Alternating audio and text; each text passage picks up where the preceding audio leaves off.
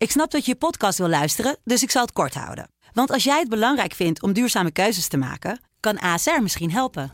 Nou hoor ik je denken, hoe dan? Nou, bijvoorbeeld bij het duurzaam herstellen van schade. Of de premies die we beleggen volgens ons duurzaam beleggingsbeleid. Dat bepaalt waar we wel en juist niet in investeren. Wil je meer weten over welke duurzame keuzes ASR maakt? Ga dan naar asr.nl slash duurzame keuzes. ASR doet het. Zo, dan kan je nu lekker naar je podcast luisteren. Had jij dat niet geregeld als correspondent? Uh, nee, want ik viel onder Nederlandse arbeidsvoorwaarden. Dus uh, ja, ik was diegene zonder AOW gehad, weet je nog? Oh, dus, uh, ja, dat, dat heel goed. bij de concurrenten was het allemaal heel erg goed geregeld. Ja, bij, bij. Ja, ja. ja, ik moest meteen denken aan de zalmsnip. Ik weet niet of je die nog ja, weet. Ja, je bent er ook oud genoeg voor om dat te weten. Pas op. Dus, Dit is Kwestie van Centen. Een podcast van de Financiële Telegraaf met Martin Visser en Herman Stam. Hartelijk welkom. Nou, Martin zit er al helemaal klaar voor, want hij gaat bijna op vakantie. De vakantieblues is al aangetrokken. Hij kan niet wachten, maar hij zat net de weerberichten te bekijken, want hij gaat naar Schotland. En daar, nou ja, verras, surprise, surprise, het regent hè. Ja, dit is denk ik de laatste dag dat ik deze vakantieblues uh, aan heb. ja, het wordt uh, regenoutfitjes. We gaan straks... Uh, ook omdat het onze laatste podcast is voor de zomerstop, gaan we eens eventjes doornemen wat er meegenomen moet worden op vakantie buiten een regenjas. Maar ja. vooral qua boeken, welke podcast er misschien geluisterd moet worden. Gaan we, ja. gaan we concurrenten, ja, gaan we concurrenten uh, aanbevelen? Of niet? Uh, dat weet ik niet. Ja. Maken die mooie podcast dan? Uh, bijna niet. Niet zo mooi als deze. Deze kunt u natuurlijk allemaal terug gaan luisteren. We maken hem, ik zeg niet extra lang, maar wel een beetje in de vakantiesfeer. We gaan eens even wat terugblikken op het afgelopen half jaar. en ook een beetje vooruitblikken van wat voor een economisch jaar het nog wordt. Ik zit ondertussen even te denken, ben je eigenlijk uh, lid van het uh, koor uh, geweest, uh, Martin? Nee. Ergens waar je studeert, want je studeerde in Rotterdam, hè? Ik studeerde in Rotterdam, ja. Ja. ja. Nee, ik was geen lid van het koor. Nee, Oh. ik was lid van een hele kleine griffmidden studentenvereniging. Ah, en daar ging het niet zo ruig aan toen dan alle Nee, we deden wel on, aan ontgroenen, maar ja, nee, zo ruig als, als bij het koren ging het er niet naartoe, nee. nee. Wat vind je ervan? Moet er echt een keer wat veranderen daar? want het zijn Ja. natuurlijk allemaal wel mensen die uiteindelijk onze bestuurders worden, onze advocaten en tandartsen. Ja. ja, dat vind ik trouwens ook ergerlijk. Maar uh, dat, dat is ook meteen, meteen het frame van dat zijn onze toekomstige leiders. Nou, Mhm. Zullen we dat maar eens even af gaan wachten of dat Mhm. zo is. Het zal best wel zo zijn dat uit die netwerken relatief veel mensen hoog in bedrijfsleven en politiek misschien uiteindelijk komen. Ehm, maar, maar goed, nou ja, ik, ik, ja, ik heb er met, nou, toch met verbazing, uh, lichte verbazing naar zitten kijken. En tegelijkertijd vind ik, vind ik het ook heel moeilijk van waar, waar, houdt, ja, waar houdt de braan hier op en wordt het echt, uh, gaat het echt over de schreef? Mhm. Want er zit natuurlijk ook gewoon heel veel, ja, het is toch een soort puberaal gedrag gewoon bij, toch? Maar ik wil het niet goed praten. Maar um, um, ja, ik vind het wel lastig, omdat het nu meteen, het wordt dan gefilmd, dan gaat het online en wordt het echt heel erg groot. Maar goed, het, het, het, probleem zit ik wel, en dat snap je natuurlijk wel heel erg.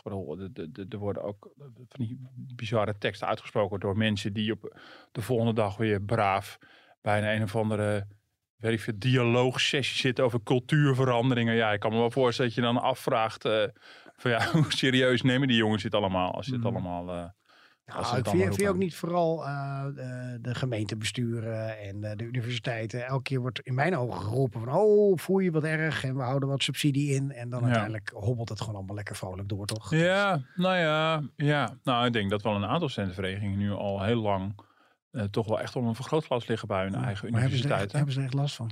Nou ja, ehm, eh, voor mij valt het nog wel mee. Ehm, ja, als, je, als je natuurlijk een grote vereniging bent en gemiddeld uit redelijk bemiddelde gezinnen komt, dan heb je heel veel financiële slagkracht. Dat is overigens iets wat me ook wel heel erg irriteert. Maar dat is al film, voor mij al veel langer zo. eh, dat een bepaalde vereniging heel normaal is om je nog onbe- onbeschoft te gedragen richting eh bedienend personeel, eh servies kapot te smijten onder het mom van we kunnen toch alles betalen aan het, eind, Mhm. eh, aan het eind van de avond. Maar goed, dat is voor mij wel iets van alle tijden en dat schijnt heel normaal te zijn. Dat vind ik dan weer heel absurd. Maar ehm, ja, maar wat moet je dan? Moet je het verbieden? Ik bedoel, dat lijkt me ook, dat, dat gaat toch ook niet? Je kan er niet zo'n vereniging ineens verbieden, maar je kan er wel de toegang ontzeggen tot bepaalde bestuursfuncties of bepaalde, bepaalde mogelijkheden op de universiteit. Dat, dat kan natuurlijk allemaal wel. Ja. Maar ik vind, ik vind, het, ik vind het ook wel weer Ik vind vind het ook raar dat er weinig mensen zich... eh, ik zat gisteren even op één te kijken, maar dat er weinig echt mensen uit die vereniging zelf nu iets hierover willen roepen.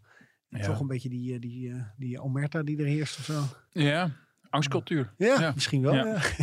Dus uh, ja, nee, ja, maar wat moet je? Ik bedoel, als je daar gewoon in die zaal hebt gezeten, je hebt met mensen zitten brallen en je doet allemaal, het is ook een beetje zo'n groepsproces, zo'n groepsdynamiek die dan ontstaat.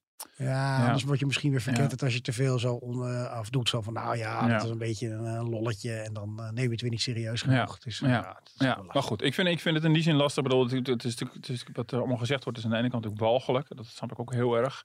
Maar het is ook, het is ook puberaal gedrag. Dat is al van de andere kant, van de, van de vrouwenkant, worden natuurlijk ook rare dingen geroepen.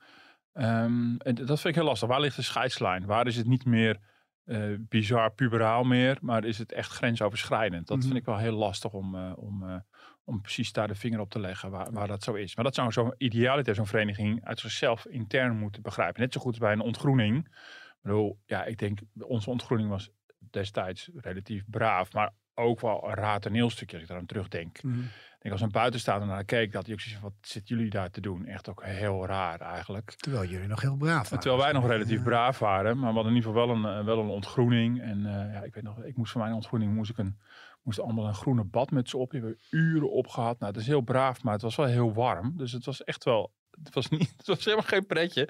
Maar dan van naar buiten wachten. Ik bedoel, nu als ik het vertel, denk ik ook, wat, hoe kinderachtig is het allemaal? En uh, nou, dat was, oh, nou goed, dan, dan, doe je toch ook hele rare kinderachtige Hebben we foto's dingen. van die we op Twitter kunnen zetten nee, voor de luisteraars? Nee, nee, dat was allemaal van voor de tijd van dat er overal fotootjes oh. van werden gemaakt. En, uh, ja, nee joh. Maar ja, dus, dus snap je? Dus, dus, dus dat er iets van uh, mores zijn, gebruiken bizar gedrag eh, die alleen intern wordt begrepen, dat snap ik. Eh, en ergens is er dan een grens die, die overgaat. Je hoopt ook dat zo'n vereniging in staat is om dat zelf te bewaken. Net zo goed mm. als met de ontgroening, wanneer gaat het over de schreef? Wanneer wordt het, wordt het, is het echt niet goed te praten dat je, weet ik veel, Novite wakker houdt een hele nacht? Ja, wij, wij moesten ook hele nachten door. Ja, maar ja, zodra, zodra het ook echt uh, richting geweld gaat, en, en, uh, dan, dan is het natuurlijk weer niet goed. Maar ergens, ergens is daar een grens. En blijkbaar is die vereniging niet in staat om, om zelf die grens te bewaken. Wordt dit uh, de zomerrel? Want we hebben als journalisten zijn we natuurlijk altijd nou, op zoek in deze tijd ja. naar nieuws. Het is nog allemaal een beetje kalm mee, buiten alle boerenprotesten die natuurlijk doorlopen. En, en de gascrisis, en noem het maar kalm. Ja, ja. Nee, goed, we zijn al een beetje aan gewend misschien aan de gascrisis en de boerencrisis. Ja. Ja, misschien ook wel. Ja, dat ligt er misschien daaraan dat we heel snel gewend zijn aan dingen die, die niet normaal zijn. Ja. Heb je zelf op het koor gezeten? nee, ik was heel uh, druk met, uh, toen dacht ik nog een hele belangrijke ho hockeycarrière. Oh, ja. Uh, oh, dus ja. ik had veel avonden dat ik daar voor aan het trainen was. En in een stad als Amsterdam dacht ik, ach, dat is helemaal niet nodig. Ik maak wel zelf vrienden. Oh ja? ja. ja. Nou goed, veel familieleden die erbij zitten. En ik snap ook echt wel heel erg de, de, de, de, vriendschappen die je opbouwt en zo. Ja. Ja, goed. Uh, en uh, dat, dat je daar dan even afzet in zo'n groepje tegen wat dan de rest van... Je weet, vroeg of laat moeten we gaan opgaan in die samenleving. En je wil zo lang mogelijk, wil je dat zien als burgerlijke, weet ik dan wil je allemaal niet bij horen. Mm. Ja, ja, ik vind bijvoorbeeld de film, uh, we wijden een beetje uit, Niemand in de Stad heel erg mooi. Een film van Michiel van Erp. En dat is een boekverfilming. En dat, nou goed, uiteindelijk is het een heel mooi drama over, over vriendschap en de, verhouding tussen jongens en hun vaders. Maar dat speelt ook in zo'n corporaal milieu. Ja, dat is ook aan de ene kant is het bizar, maar ze proberen zo lang mogelijk die, die, die echte wereld buiten te houden. Ja, daar horen die rare gebruiken ook bij. Mm. Uh, uh, maar goed, nogmaals, niet om het goed te praten, maar dat je van, van buitenaf denkt, wat zijn er voor rare snuiters? denk dat je dat wel moet blijven houden. Dat, dat lijkt me nou typisch iets wat bij een studentenvereniging hoort. Nou, dat is iets wat ze natuurlijk zelf ook willen, willen behouden. Helder. Uh, wat we eerst, uh, wat ik eerst eens wilde gaan doen. We krijgen natuurlijk, uh, ik zeg elke keer dat e-mailadres verkeerd. Nou, inmiddels gaat het redelijk goed. Ja. Want, uh, want dat blijkt ook. Want er komen ook gewoon mails binnen. Er komen dus, mails binnen. Dus ergens moet het goed gaan. En wat ik leuk vond voordat we op vakantie gaan, is een paar van die mails door gaan nemen. jij hebt het ook gelezen. Want ja. sommige zijn hele epistels hè, met nou, een kantje vol. Sommige wat korter. Uh, laten we gewoon eens beginnen met uh, de eerste waar we ook meteen complimenten krijgen. Want uh, de, we worden met plezier beluisterd door Marianne Vaas, als ik het goed zeg. Maar die begint wel over het aflossen van de hypotheek. Want ja. dat is sinds een aantal jaren weer verplicht. En er was eigenlijk even haar vraag van of je er eens aandacht aan wil besteden wat hier nou werkelijk gebeurt. Even kijken. Ik, uh, moet, uh, ik heb het niet helemaal goed samengevat. Misschien heb jij me goed voor Want ik probeer ik, uh, vraag even nu. Ja, nou ja, kijk, waar het, waar het in, die mail, in die mail over ging, is volgens mij niet helemaal, als ik niet helemaal een goede veronderstelling, maar het, het idee is dan, als je nu verplicht je huis moet aflossen, wat inderdaad al een tijdje zo is, Um, dan heb je steeds meer overwaarde op je huis. Uh, en dat heeft invloed op de eigen woning forfait. En dan ga je steeds meer belasting betalen over je huis. Daar komt het eigenlijk op neer Nou, is die link met de woningforfait, die begrijp ik niet helemaal. Want het is inderdaad zo, je hebt natuurlijk aan de ene kant hypotheekrente aftrek op je, op je huis. En aan de andere kant heb je eigen woningforfait. Een bepaald percentage van de waarde van je huis moet je belasting over betalen. En of je nu wel of niet aflost, doet voor de woningforfait niet zoveel. Maar wat natuurlijk wel wat doet, is het saldo van die twee. Want mensen kijken natuurlijk niet... Uh, uh, die kijken niet, niet sec naar de renteaftrek of sec naar de woningforfait. Maar die kijken natuurlijk naar het saldo. Van wat is het per saldo. In de praktijk is het eigen woningforfait natuurlijk een belasting op je huis, op de waarde van je huis, op het woongenot wat je van het huis hebt. Uh, um, en dat wordt natuurlijk in mindering gebracht op je renteaftrek. En als je dat is natuurlijk wel waar, als je natuurlijk in de loop van de jaren steeds meer van je huis hebt afgelost, dan wordt die renteaftrek natuurlijk gaandeweg ook steeds lager. En dan komt er natuurlijk een moment uh, dat heeft met de hele discussie rondom de wet Hille speelt dat ook. Dat het eigen woningforfait, dus die belasting hoger is dan de aftrek die, uh, die, uh, die je hebt. Maar mm. nou goed, die, die, wat je natuurlijk een beetje in deze mail proeft, is dat het oneerlijk zou zijn. want ja, dan ga je dus het eigen huis steeds meer belasten. Uh, dat is natuurlijk een reactie ook op uh, onze recente podcast over het Precies. rapport over het. Het plan om eigenlijk ja. ook hier wat aan ja. te doen. Hè? Ja. Maar goed, even los van de vraag of je het eerlijk of oneerlijk vindt. Dus het is wel degelijk ook expres natuurlijk de bedoeling. Die, die, die, die aflosplicht uh, is ingevoerd als een reactie op de kredietcrisis. Toen we uiteindelijk zo rond 2012, 2013 een enorme huizendip hebben gekregen. Op een gegeven moment stond een derde, van wel meer dan een derde van de huizen in Nederland onder water. Dus dat betekende dus dat de hypotheek hoger was dan de waarde van het huis. Tot dan toe was het mogelijk om behoorlijk je zwaar te financieren. Uh, en was een van de lessen van ja, misschien moeten mensen verplicht te gaan aflossen. Overigens, vanuit adviseurs zoals de Nederlandse Bank is altijd gezegd: een 100% aflossingsplicht is wat ons betreft helemaal niet nodig. Je zou het bijvoorbeeld ook op 50% kunnen zetten, maar dan moet je nog een paar, aan een paar andere knoppen draaien. Bijvoorbeeld dat je in verhouding tot de waarde van je huis iets minder zou mogen lenen. Nou, de politiek heeft ervoor gekozen om die leennorm wel iets te verlagen, maar niet zo ver als de Nederlandse bank bijvoorbeeld wilde. Mm -hmm. En dus tegenover dat je wel 100% je huis moet aflossen als je inderdaad renteaftrek uh, wil gebruiken. Ja. En, dat, en het eindplaatje, en dat klopt natuurlijk wel, is dat je op een gegeven moment belasting gaat betalen over je eigen huis. Alsof mm -hmm. het een soort vermogensbelasting is. Ja. Um, maar heel even, want we, heel veel mensen worden altijd boos hè, op Klaas Knot. Die wordt ongeveer daar gezien als uh, een beetje de, de, de, de, het kwade brein hierachter. Mm -hmm. En hij zegt dan ook wel eens van ja luister, daardoor gaan die huizenprijzen ook wat ja. naar beneden lopen. In principe zijn die huisprijzen nu ook naar beneden aan het lopen. Gewoon omdat er ook de rente weer wat omhoog ja. gaat. En ja. juist hij maakt onderdeel uit van de ECB. Ja. En dat is toch wel een van de verantwoordelijken van waardoor die rente lange tijd zo laag is geweest. Ja, nee zeker. Je ziet natuurlijk, al, de, de, in die zin hangt het ook allemaal samen. Ik bedoel, de huizenprijzen zouden onder druk komen te staan als je inderdaad bijvoorbeeld de leennormen verder strenger maakt. Zoals uh, inderdaad de Nederlandse bank Klaas Knot al meermaals heeft voorgesteld. Hij is daar niet de enige in. Heel veel economen vinden dat je daar opnieuw naar zou moeten kijken.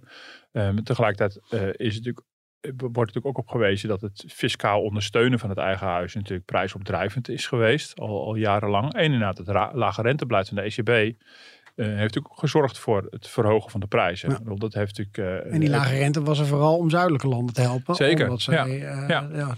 Moeilijker konden lenen. Ja, nee, zeker. Dus, dus die lage rente was, die heeft natuurlijk als effect gehad dat allerlei vermogensvormen natuurlijk in waarde zijn gestegen. Vastgoed inderdaad, maar ook aandelen. maar ook het eigen huis, want het was natuurlijk veel goedkoper om te lenen. Dus mensen konden alsnog heel veel lenen omdat de rente zo ontzettend laag was. En nu zie je het omgekeerde gebeuren.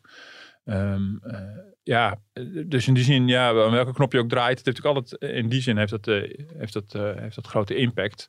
En het is ook wel heel lastig, want als je natuurlijk inderdaad wel iets zou willen ingrijpen bij de woningmarkt, in de fiscale behandeling daarvan, en het heeft een drukkend prijs, effect op de prijs, ja, dan, dan, dan baal je natuurlijk als je al een huis hebt, maar dat maakt het voor starters weer toegankelijker. Mm -hmm. Dus dan maar net je ook aan welke kant van een streepje natuurlijk staat. Want nu met de stijgende hypotheekrente, en, en de huizenprijzen die nog steeds behoorlijk hoog zijn, wel wat afvlakken, maar nog steeds heel hoog zijn, wordt het voor, voor starters op de woningmarkt nog onbereikbaarder om een huis te kunnen kopen. Ja, we hadden vanochtend hè, in de krant ook uh, dat je eindelijk weer wat uh, kan kiezen, wat kan onderhandelen ja. met de makelaar. Ja.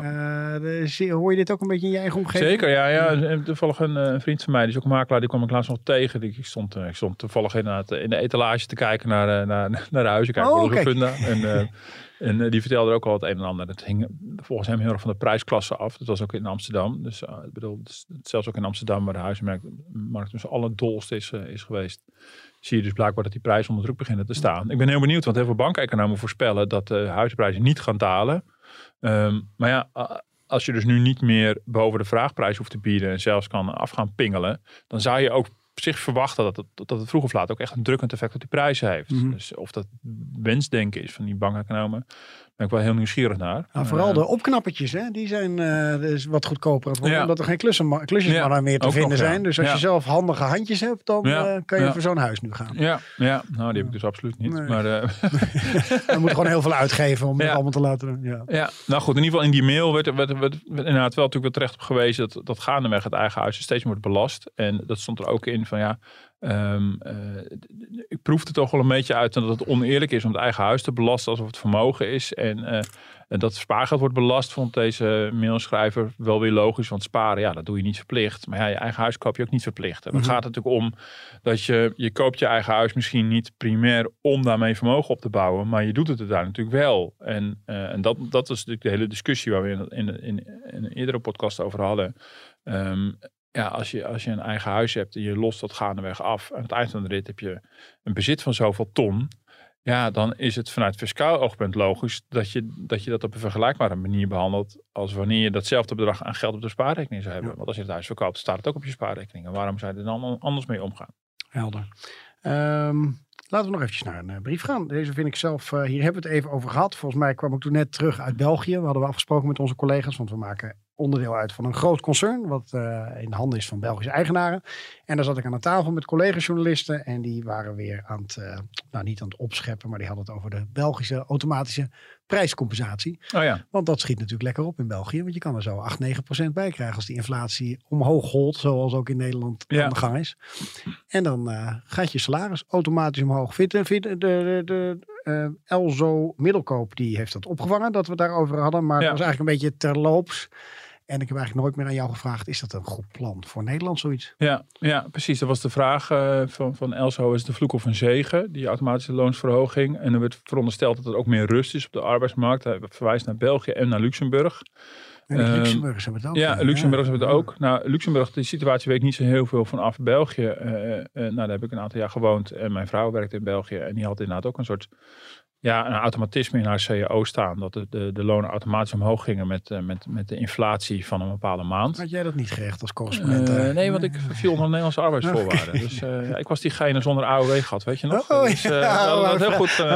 bij de concurrent was het allemaal heel erg goed geregeld. Dus, Oh, ja, ja, ja, ja, ja. Pijn, pijn, pijn. Ja, ja. en volgens mij kreeg ik ook meer, meer, meer terug van mijn energie en mijn huur, kan ik me herinneren, Hmm. dan jij dus is. Maar goed, dat voert nog een beetje ver. Diep, een diepe zucht. Het moet gewoon niet zo oud worden. Dan heb er niet zo last van. Nee, maar in ieder geval, ik werkte toen eh, eh, voor vijf jaar onder Nederlandse voorwaarden. En mijn vrouw werkte ook voor een Belgische werkgever. Toen kwamen we daarmee in aanraking.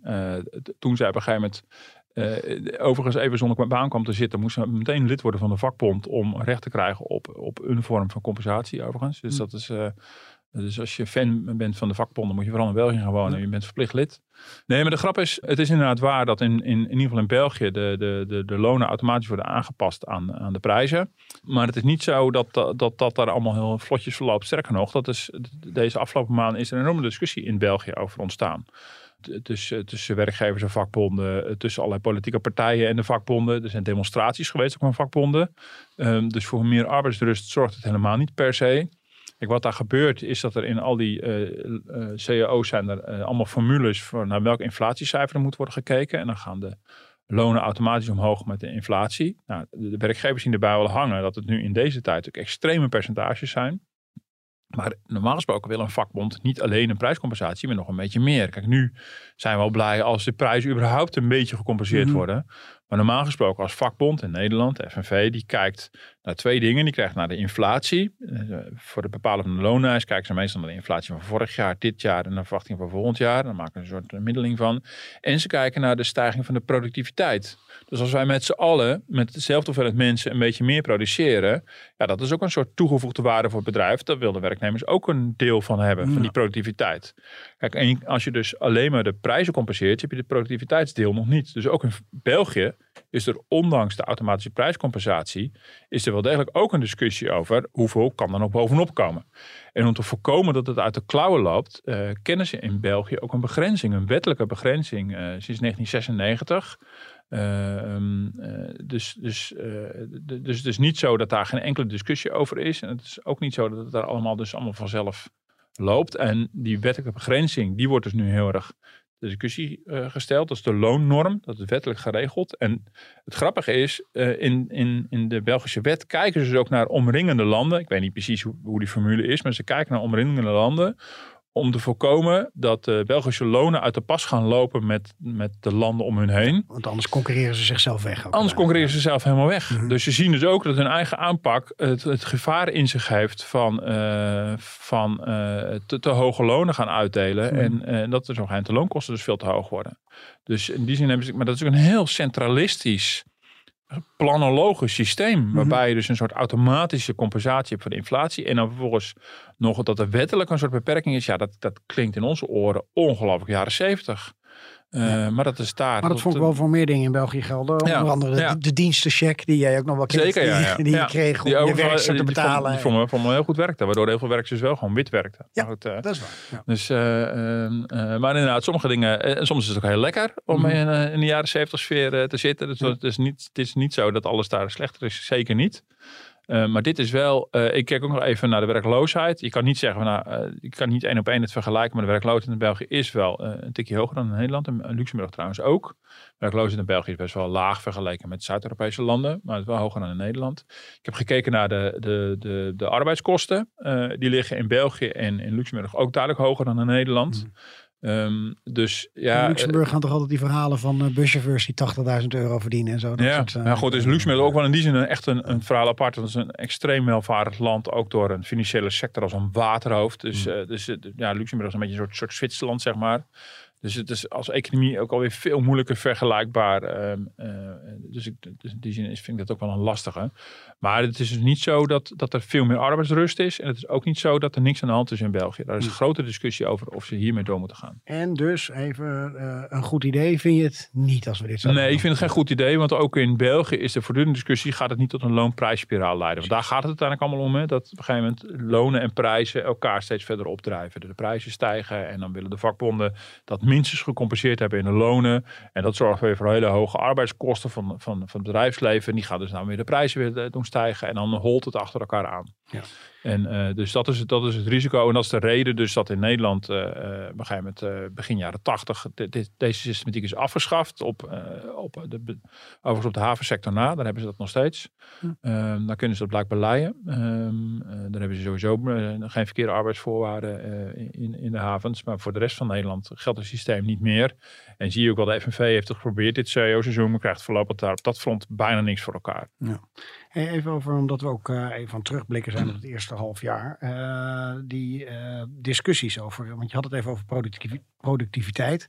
Nederland deeltijdkampioen. Want er is veel eh, debat geweest ja. door die arbeidstekorten die we hebben. Maar moeten we gewoon niet even allemaal wat meer gaan werken? Ja.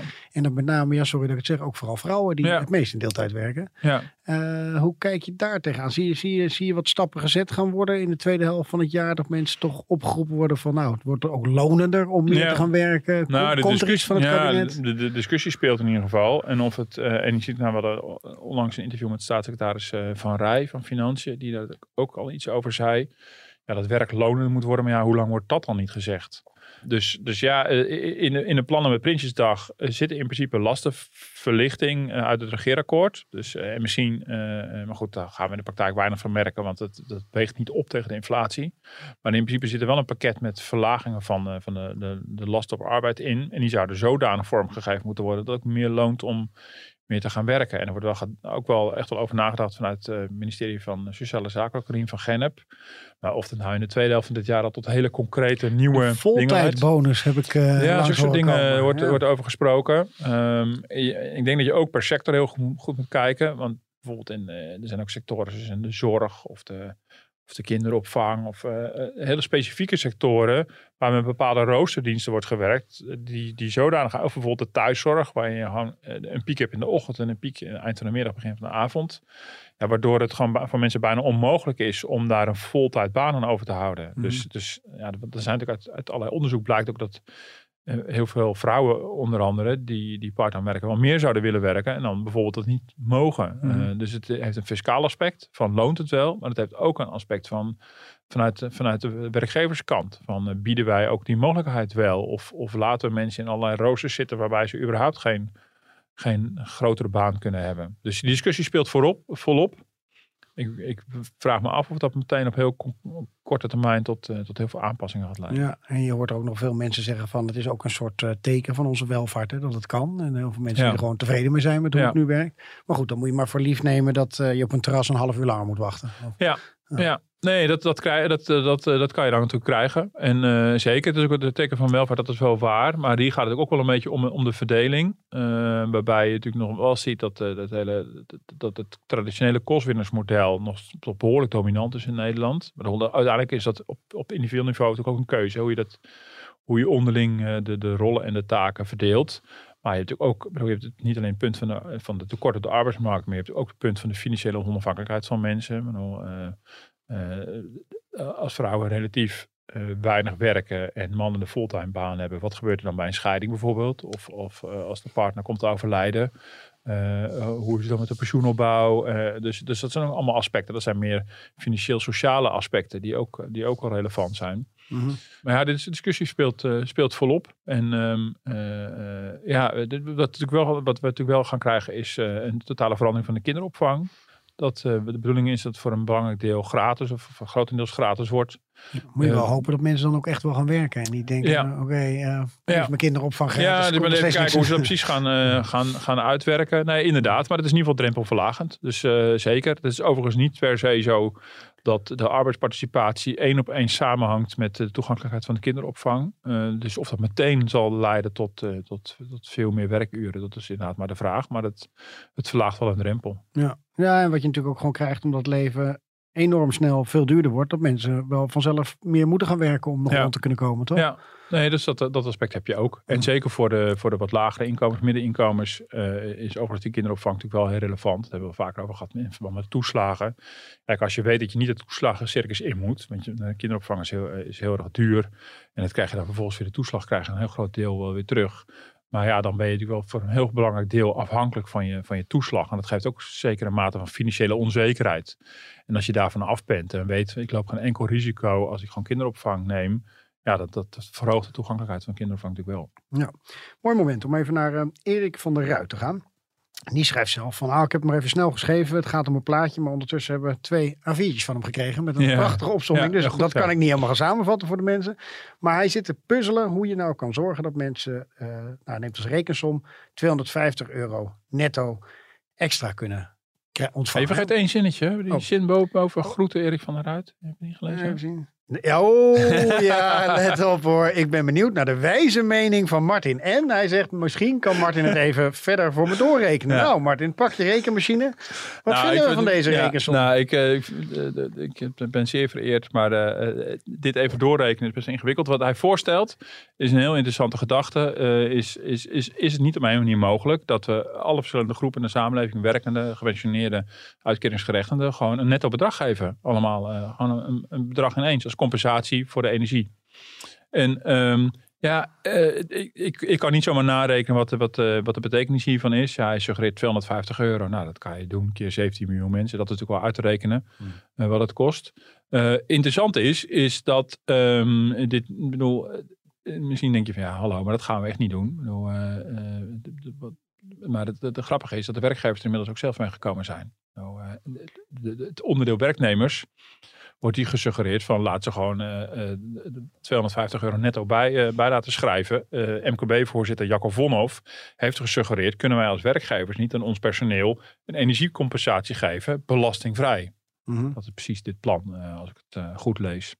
en dan heb je dus de werknemers gecoverd. Behalve dan dat je natuurlijk niet zeker weet of alle ondernemers, alle bedrijven dat gaan doen. Daar ben je natuurlijk wel van afhankelijk. Maar bedrijven waar die financiële ruimte er niet is, Um, ja, dan, dan zit je maar mooi. Maar het is wel, het is, nou goed, het, toen, toen hij het suggereerde, denk ik van nou, dit is wel een soort opening set, zeg maar, in de onderhandelingen uh, over een koopkrachtakkoord, waar, waar mogelijk in augustus, over gepraat gaat worden tussen het kabinet en, en de sociale partners.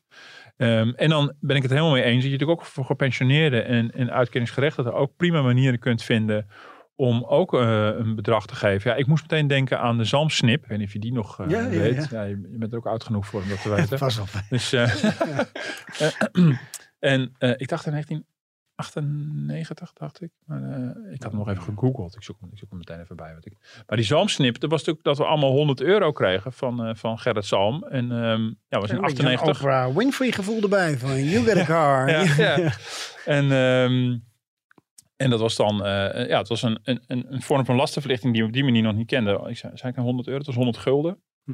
En het was van voor de, ja, van voor, ja. de, van voor de euro toen we nog een snip hadden inderdaad. Ja. Nou, met dat bedrag red je natuurlijk allemaal nu niet meer. Maar het, het was dus ook toen uitvoeringstechnisch mogelijk om gewoon elke Nederlander gewoon een vast bedrag te geven. En, het is wel lekker concreet. het is heel concreet. Hebben ze in Amerika ook op een gegeven moment onder Trump hebben ze dat ook uh, gedaan. Ja, in, in, in coronatijd hebben ze, ook, uh, hebben zij gekozen voor die inkomensondersteuning. Ja. Terwijl wij natuurlijk, ik denk dat het, dat de Nederlandse oplossing overigens beter was destijds. Want toen was het vooral, in Nederland was de optiek van zorg ervoor dat bedrijven niet in paniek in coronatijd de mensen gaan ontslaan. Dus geef, geef die bedrijven compensatie voor die lonen, zodat ze die mensen in dienst houden. En in Amerika hebben ze heel geko gekozen voor de inkomensondersteuning. Dus daar uh, werd je wel ontslagen, maar dan had je in ieder geval geld van de overheid. Ja. Um, dus dat zijn twee verschillende aanpakken. Maar in dit geval gaat het inderdaad ook wel om compensatie voor extra, extreme energieprijzen en andere prijsstijgingen. En dan zou je natuurlijk wel aan zoiets, uh, aan zoiets kunnen denken. Dus ik kan me wel voorstellen dat het kabinet denkt van oei, dit wordt allemaal heel erg duur. Want we hebben natuurlijk ook al uh, allerlei generieke maatregelen gedaan voor de energierekening, voor de, voor de accijns op benzine. In Brussel heeft uh, minister Kaag ook afgesproken met de andere ministers van Financiën dat ze in principe de voorkeur geniet om gerichte ondersteunende maatregelen te doen. En dit is natuurlijk ongericht, dat is voor ja, alle Nederlanders. Hij schrijft er ook bij, hè, het maakt niet uit voor de CEO of uh, een ja. medewerker. Maar wel een vast bedrag. Ja. Dus niet inkomensafhankelijk of iets dergelijks. Een vast bedrag. Uh, Um, in de veronderstelling dat iedereen in, in, min of meer dezelfde mate last heeft van die prijsstijging. Dat is overigens niet helemaal waar. Want daar hebben we het vaak over gehad. Uh, het maakt heel erg uit hoe je, hoe je gezinssamenstelling is. In wat voor huis je woont. Of je in die beruchte doorwaaiwoning woont. Of in dat supergoed geïsoleerde uh, nieuwbouwhuis met die zonnepanelen op het dak. Dat maakt enorm uit. Um, maar ja, het is wel iets waar je aan zou kunnen denken. Dat je gerichte inkomens, dus, dus generiek inkomensondersteuning geeft, een vast bedrag netto. De werkgevers hebben het openingsbod al gedaan. Hm. Denk je trouwens, uh, als we even vooruitblikken op het komende half jaar, dat we wel wat verlichting gaan zien qua uh, inflatie en of het wordt alleen maar erger en uh, we gaan nog meer betalen voor onze ja. energierekening? Want... Nou ja, je ziet nu, nu ehm, vorige week ging die Nord Stream weer open. En uh, toen waren we ook even bang dat, uh, dat het allemaal een smoes was, die, die tijdelijke sluiting. Uh, en dat die dicht zou blijven. en toen, toen kwam er toch weer gas naar Duitsland. En nou ja, we zijn nog geen week later en de gaskraan gaat weer een klein beetje ja. dicht. Je ziet dus dat gas echt ingezet wordt als een economisch wapen door Poetin. En Europa is een speelbal. dus in die zin, ja, wie het weet mag het zeggen. Nou, de gasprijzen zijn weer door het dak gegaan begin van deze week. Uh, ja, met, met, met prijsstijgingen die vergelijkbaar zijn met maart van het begin van de oorlog. Dus ja, uh, geen idee. Dus Geruststellende gedachte misschien wel is dat uh, de, de, organisaties die erover gaan zeggen van wij hebben wel genoeg voorraad inmiddels van Nederland. Er is nog geen paniek. Ja, maar, ja, ja. Ja, of neem je dat ook met een korreltje zout? Ja, dat neem ik wel met een korreltje zout. Maar inderdaad, bedoel, een, een, een, een, een tijdje geleden liep Nederland nog vrij behoorlijk achter in, in de voorraadvorming. En het schijnt nu wel sneller te gaan. Er, zijn al, er is al eerder gezegd vanuit, uh, ik dacht vanuit GasUnie, maar in ieder geval ook vanuit een van die, van die organisaties van uh, we, hebben, we lopen op schema en we hoeven in de winter geen tekorten te hebben. Uh, maar dat was, waren wel allerlei vooronderstellingen, of dat er een milde winter ging worden bijvoorbeeld. En nog een aantal andere vooronderstellingen. Uh, maar je ziet ook wel bijvoorbeeld in Europa nu de spanning toenemen. Mm. Nou, kijk, als zodra ze in Brussel heel hard gaan troepen hoe eensgezind ze zijn, dan weet je dat het foute boel is. Nou, dat is precies van de week gebeurd. Want dat, dat, dat, ja, dat, dat crisisplan voor het gas, dat is natuurlijk uh, ontzettend uh, verwaterd. Uh, omdat de solidariteit ver te zoeken was. In dit geval moest Zuid-Europa solidair zijn met Duitsland. En die gaan, hebben Duitsland allemaal een dikke vinger gegeven. Spanje, Portugal onder andere. Zeggen, ja, wij hebben, wij hebben helemaal niets met het gas uit te staan. Dus zoek het maar uit Duitsland. Mm -hmm. um, en je ziet Nederland natuurlijk wel solidair willen zijn met zijn grote buurland. Omdat we daar enorm politiek en economisch, wel economisch van afhankelijk zijn. Uh, dus, dus de spanningen in Europa zijn natuurlijk op alle mogelijke manieren voelbaar. En als Want dat is het mooie ook van, uh, tenminste als je het vanuit Poetins kant bekijkt, van hij zorgt er ook voor dat daardoor meer onrust in Europa zelf is en verdeeldheid. en dat, dat wilde hij eigenlijk Ja, want heeft die, die gastoevoer door de Nord Stream heeft hij begin van de week weer teruggeschroefd. Op het moment dat die ministers daar in Brussel bij elkaar kwamen. Ja. Ja, die man leest ook de krant. Nou, uh, ja, is de krant al binnen, zegt hij dan s ochtends vanuit. ja, ik weet ook niet hoe dat, precies, hoe dat precies gaat. Maar je ziet natuurlijk wel, dat er zit een heel strategisch spel achter. En uh, je ziet, ja, dus, dus dat belooft heel weinig goeds. Nou, uh, dus ja, vanuit de officiële instanties krijgen te horen van nou, we zitten wel goed voor deze winter. Maar vanuit heel veel energie-experts hoor je toch wel van ja, zijn we niet wat te laconiek met z'n allen. Dus ik ben er allemaal niet zo gerust op. En dan heb je natuurlijk een scenario waarbij we misschien echt te weinig gas hebben. Nou, misschien dat dat voorkomen kan worden. Maar ja, dat, we hebben ook heel erg last van die prijsstijgingen. En als in Duitsland er echt gastekort ontstaan en moeten daar delen van de industrie gaan afschakelen bijvoorbeeld, mhm. heeft het ook grote economische repercussies voor ons. Ja. Dus in die zin ben ik er allemaal helemaal niet gerust op. En dat zou ook betekenen dat die, die prijsstijging, die hoge inflatie, ook dit jaar niet ophouden. Maar dat die heel erg volgend jaar ook in gaan lopen. En dat maakt de afweging voor het kabinet met Prinsjes, dat is ook heel ingewikkeld. Dat is ook een reden geweest dat ze om zo zitten te wachten. Ook met zijn akkoord met de polder en ook met, met, met door laten schemeren wat we van plan zijn. Omdat ze natuurlijk maar zitten hoe, lang, hoe langer je wacht, hoe meer je weet over het nieuwe jaar. Maar dat blijft natuurlijk gewoon echt ongelooflijk onzeker wat ons uh, economisch uh, te wachten staat. Ja, met, met die vooruitzichten vind je eigenlijk dat er te weinig uh, in dat licht ook over mogelijke nieuwe coronabesmettingen gepraat wordt? Want dat heb je ook nog eens eventjes erbij richting. Ja, oh, je, Nee, goed, even kort dan. Maar je, ja. je, je, je, je, ja. je, voelt deze crisis, maar ondertussen kan het ook nog zomaar in het najaar enorm oplaaien qua corona en allemaal weer thuis zitten. Zitten we verplicht thuis en moeten de thermostaat omlaag zetten. Ja, zoiets ja. nou goed, of we nou hier stoken op kantoor stoken of, of thuis Nee, maar vind je dat er te weinig de, dat eigenlijk op dit moment ja. gesproken wordt? Ja, nou ja, dat, dat sowieso ben ik wel kritisch op, op het coronabeleid. Voor zover er sprake is van coronabeleid. Mm -hmm. ik, ik begrijp niet zo goed wat het coronabeleid eigenlijk is. Van, nou, een beetje soort ieder voor zich en God voor ons allen. Ik weet niet. Uh, die sectorplannen zijn ingeleverd. Hè, van de sectoren moesten het gaan bedenken. Die moeten scenario's maken, maar, maar niemand zegt wat, wat op welk moment uh, in werking treedt. Dus wanneer we naar de volgende stap van een scenario gaan. Dus er zit heel veel, ook heel, heel veel wensdenken in die scenario's. Nou, een lockdown is niet nodig. Uh, sectoren die geen mondkapjes willen die geen anderhalve meter willen. Ja, we kunnen alle dingen niet willen, maar je weet ook helemaal niet hoe het loopt. Niemand wil het erover hebben eigenlijk. nee, en dat begrijp ik zich ook wel weer hoor. Ik bedoel, het is ook wel heel prettig om nu al een aantal maanden te, te, te leven alsof het niet bestaat. Terwijl we best wel weten dat het in het najaar weer terugkomt. En in de zomer hebben we ook een piek gehad, maar dat hebben we ook allemaal redelijk overleefd. Maar um, ja, maar ja, ik zou, ik denk wel dat het goed is om dat coronabeleid duidelijk te communiceren en klaar te hebben staan. Dat je een soort vertrouwen hebt. Oké, we weten wat we moeten doen als het weer terugkomt. Maar hoe je soort, als, als kabinet een soort voorspelling moet doen hoe die samenloop van, van gas en corona en hoe je dan, ja, dan snap ik me voor een kabinet denkt, nou dan handelen we wel op het moment dat het daar is. Ja. maar het, het, is wel fijn als wij het gevoel hebben dat in ieder geval de plannen klaar liggen. En dat gevoel heb ik niet, altijd. nee, ook niet bij deze nieuwe minister. uh, dat is even gezegd dan. We gaan, uh, dit vind ik zo mooi, de Bay of Plenty. Nou, blij dat ik deze lezer er ook even uit kan lichten. Uit Nieuw-Zeeland notabene. Ja. worden we ook gewoon geluisterd. Ehm, daar even kort samengevat is het vooral een vraag over de rente. De spaarrentes, want die zijn torenhoog blijkbaar in uh, Nieuw-Zeeland. En daar zien we zelf nog heel weinig van terug. Want iedereen denkt natuurlijk van, hé, hey, ik zie die rentes oplopen. Maar nou wil ik op mijn spaarrekeningetje ook wel eens eventjes van de bank daar wat van terug hebben. Hoe komt dat dat we daar zo lang op moeten wachten? Ja, ja dat is een mail, een mail van Peter Minter. Die, uh, die uh, luistert ons trouw vanuit uh, Nieuw-Zeeland. Wat al een keer eerder even kort uh, gememoreerd. Het is toch leuk om, om te weten aan de andere kant van, van de wereld ook beluisterd worden. Ja, die wijst erop dat in, in, Nieuw-Zeeland de ontwikkelingen van de rente echt wel iets anders zijn dan, dan bijvoorbeeld in Nederland en de rest van, van Europa. En dat heeft ook altijd te maken met, met het tempo waarin centrale banken de rente aan het verhogen zijn. Hadden van de week Nout Wellink in de krant. En die zei ook al, in meer dan 70 landen was de rente al verhoogd. En toen kwam de ECB nog eens een keer. Uh, nou, ik moet toegeven dat ik de Nieuw-Zeelandse situatie niet paraat heb. Mm. Uh, dus dus dat, dat weet onze luisteraar beter dan, dan, dan, dan ik dat weet. Maar je ziet natuurlijk wel dat de ECB heel traag van reageren is. Um, en, en dat, ja, dat betekent, nou, we hebben natuurlijk recent gehad dat de ECB eindelijk de rente heeft verhoogd met 50 basispunten. En dat is in het centrale blankenland al heel wat. De Federal Reserve had het al een keer gedaan met, met zo'n stap.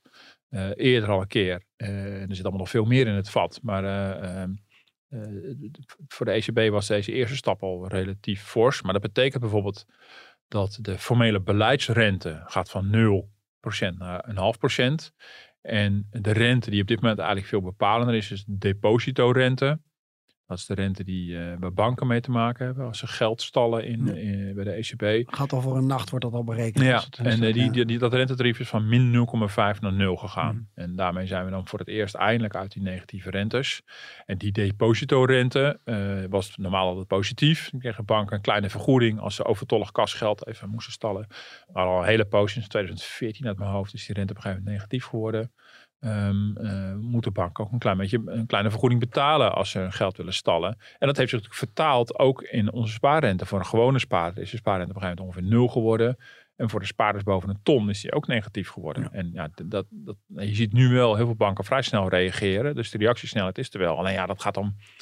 Het gaat ook om, het gaat van nul naar niks. Bedoel, mm. uh, dus dat schiet nog niet heel erg op. Maar dat komt ook omdat die rente van de ECB zelf ook van nul naar niks gaat. Dat, um, uh, en, daar lopen we natuurlijk ver achter bij, uh, bij andere delen van de wereld. Maar mensen snappen het nooit zo goed hoe het dan kan dat de hypotheekrente wel zo snel omhoog knalt. Ja, dat is een goede. Kijk, dit is, dit is allemaal de korte rente. Dit mm. zijn de formele beleidsrentes van de ECB. Dat zijn allemaal uh, dagrentes die door de banken betaald moeten worden of gekregen worden. Um, um, maar de hypotheekrente die hangt samen met de lange rente. En dat is een andere manier waarop de ECB dat beïnvloedt. Dat is namelijk door, door staatsleningen te kopen. Uh, die rentes hebben overigens wel met elkaar te maken hoor. Die, die, hm. die, die van een verschillende duur. Dus ook die korte rente heeft wel impact op, op die hele rentecurve, zoals het dan heet. Maar de hypotheekrente die de afgelopen maanden is gestegen, die hing vooral samen met het feit dat de ECB gaandeweg steeds minder staatsobligaties ging opkopen. Uh, uh, en daar op een gegeven moment ook mee gaat stoppen. Alleen nog maar ehm, degene die ze op de balans hebben staan vervangt als ze verlopen, zeg maar. Um, en die staatsleningen, die hebben natuurlijk veel langere looptijden. Looptijden van, uh, van, van 5, 10, 20 jaar. Mm-hmm. uh, en door die staatsleningen te kopen, druk je die rentes van die, uh, die langer lopende rentes omlaag. En door ermee te stoppen met dat kopen, gaan de rentes, de langer lopende rentes omhoog. Daar heeft het mee te maken. Dus ook, dat was ook steeds een verdediging, ook van Klaas Knot bijvoorbeeld. Als je dan tegen Klaas Knot zei, waarom doen jullie niks? Um, tot voor kort, toen ze rente nog niet verhoogd hadden, zijn we doen wel wat. We zijn gestopt met het opkopen van die staatsobligaties. En zie maar, de hypotheekrente stijgt. Ja. Dus dat is het verschil. Dus de korte en de, en, en, en de lange rente. En die rentes hangen met elkaar samen. Maar dit, dat is een specifieke ingreep voor de, voor de langer lopende rentes. Maar goed, daar is dan recent weer een discussie bij gekomen. Dat betekent dus ook dat voor Italië steeds duurder wordt om staatsleningen uit te geven. Uh, en Italië heeft het al zo zwaar. Hmm. Dus de ECB heeft nu weer iets. Uh, nou ja, ze moeten weer op zoek naar een nieuwe premier en een nieuwe uh, ja, nou, regering. Er zijn vast wel weer mensen die dat voor een, voor een, voor een jaartje willen doen. Ja. Dus, dus, maar goed, ze hebben iets ja, uit de hoofd. waren er altijd zo dol op Super Mario, want dan hadden ze ja. wel vertrouwen van. Het komt ja, nou, vooral politici waren dol op Super Mario. beleggers overigens ook. Maar vooral politici in Brussel waren heel dol op Super Mario. Maar die heeft ook niet het eeuwige politieke leven, zo blijkt. Dus, uh, maar de ECB staat weer klaar om uh, in geval dat de Italianen er echt een potje van maken om Italiaanse staatslening te gaan kopen om, om dat land uh, te hulp te schieten. Helder. Hey, net werd je nog de wijze Martin genoemd. Er zijn ook af en toe wat kritische mails. Ik heb er even eentje uitgepikt. Oh, die heb ik niet gehad hoor. Nee, dat weet ik. die appte ik jou volgens mij van, heb je deze gelezen? Nee, dit gaat over, het valt wel mee. Dus oh, Ruud, ja, ja. Ruud ja. Korunka, Korunka, als ik het goed uitspreek. En uh, dat gaat vooral over de loonkosten. Ja. En, dan, en, dan, van, nou Martin, uh, allemaal leuk en aardig. Dat maak ik er een beetje zelf van hoor. Maar uh, dat je te makkelijk uit het oog verliest hoe hoog de totale loonkosten ja. in Nederland al zijn voor werkgevers. Klopt, ja. loonbelasting, pensioenpremie, vakantiegeld, vakantiedagen, loondoorbetaling bij ziekte, noemt Ruud allemaal. En dat noemt hij terecht. En ik neem aan dat het een reactie is op mijn op mijn enthousiasme over stijgende lonen. En mijn mhm. aanmoediging om die nog harder te laten stijgen. Dat was uh, gewoon je persoonlijk belang waarschijnlijk, of niet? Uh, ongetwijfeld. en uh, kan ik nu wel zeggen, je bent mijn chef niet meer. Nee, dus, exact. ja, lekker is dat. nee, maar natuurlijk heeft hij daar een punt. Misschien is het dan een ondernemer, dat weet ik niet. Maar dat, is, dat is zeker ook. En dat is ook een reden voor voor werkgevers om ook vaak op de, de rem te trappen. Die zeggen, hallo, bedoel, de, de, werknemer wil dat zijn netto loon stijgt.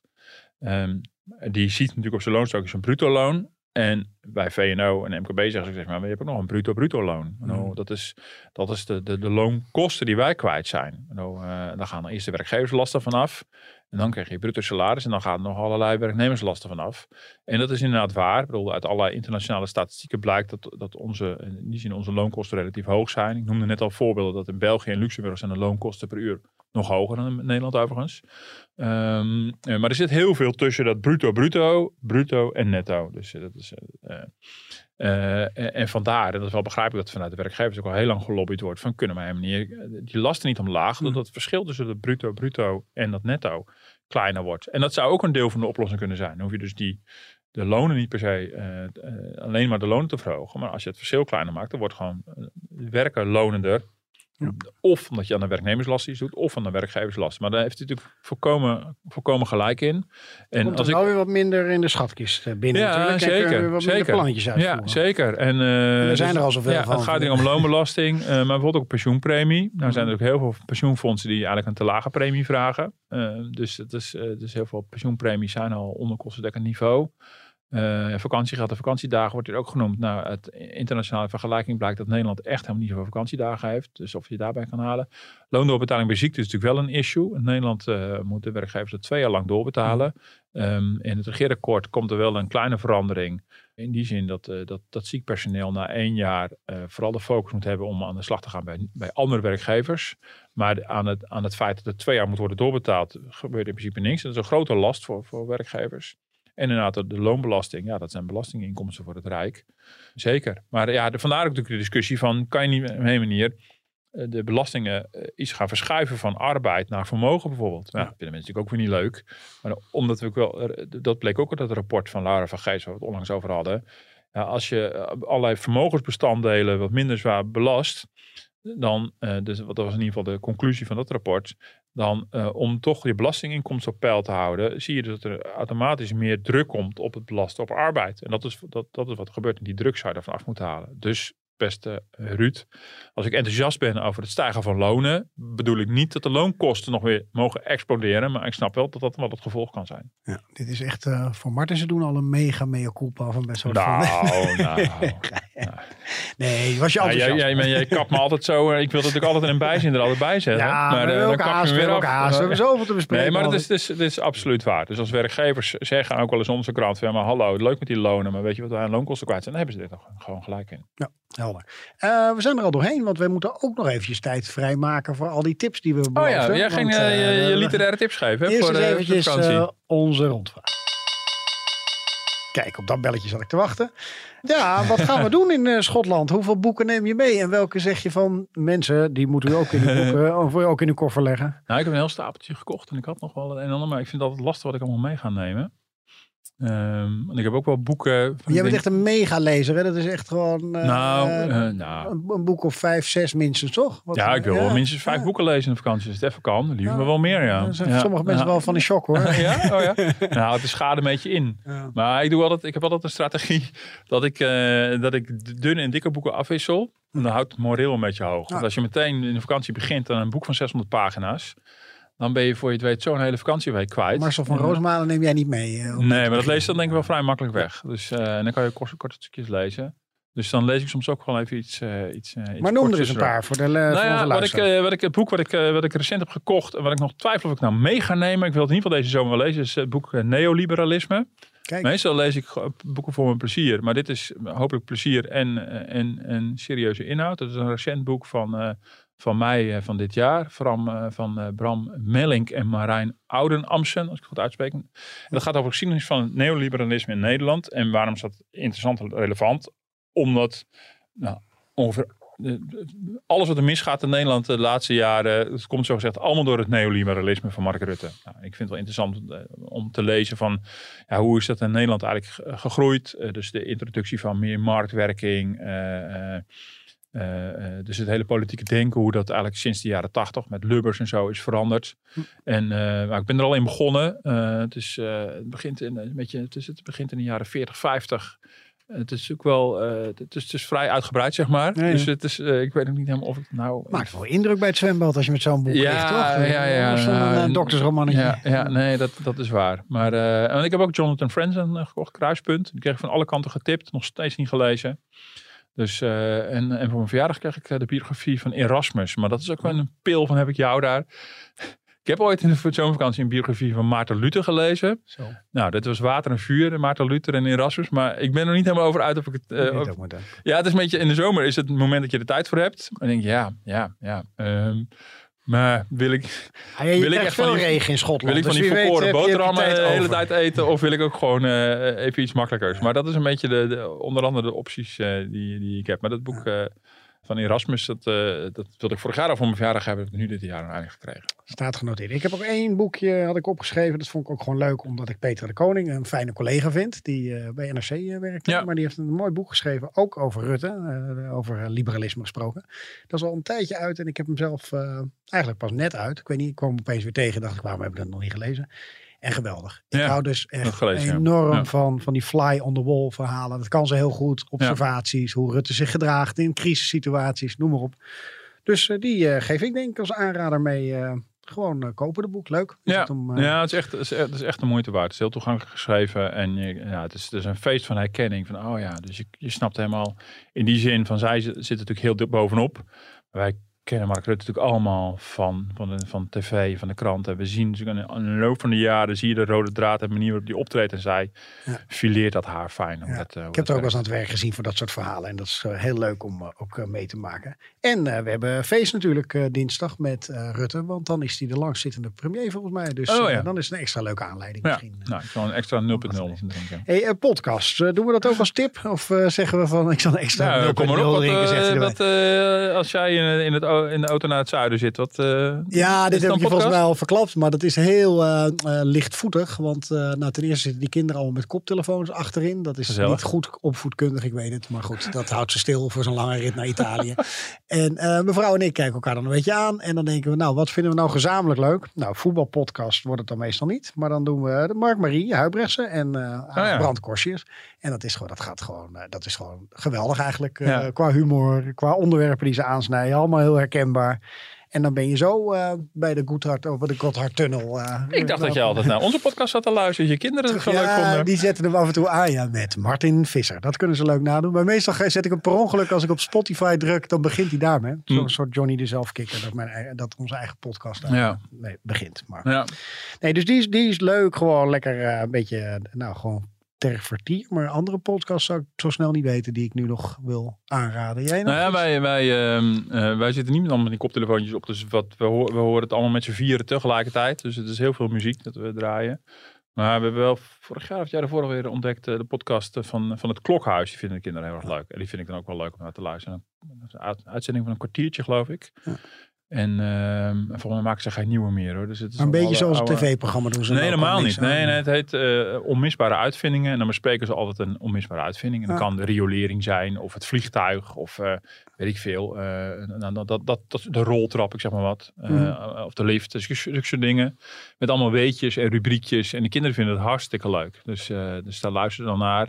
Maar op een gegeven moment als we een stuk of vier hebben gehoord, dan weet het ook wel weer. Nee. Nou, En het is beter dan eh, Basje en Adriaan de hele rit. Dat was vroeger toch? Dat je van die cd, of van die de, de, de dvd's Ja, en had. we hebben ook, we hebben ook op een gegeven moment eh, luisterboeken eh, onde- eh, ontdekt. We hebben de Zevensprong van Tonke Dracht. eh eh, we op een gegeven moment, eh, eh, dat is jaren geleden al een keer ingesproken door Jeroen Willems. Voor mij zat hij gewoon gratis zeggen op Spotify.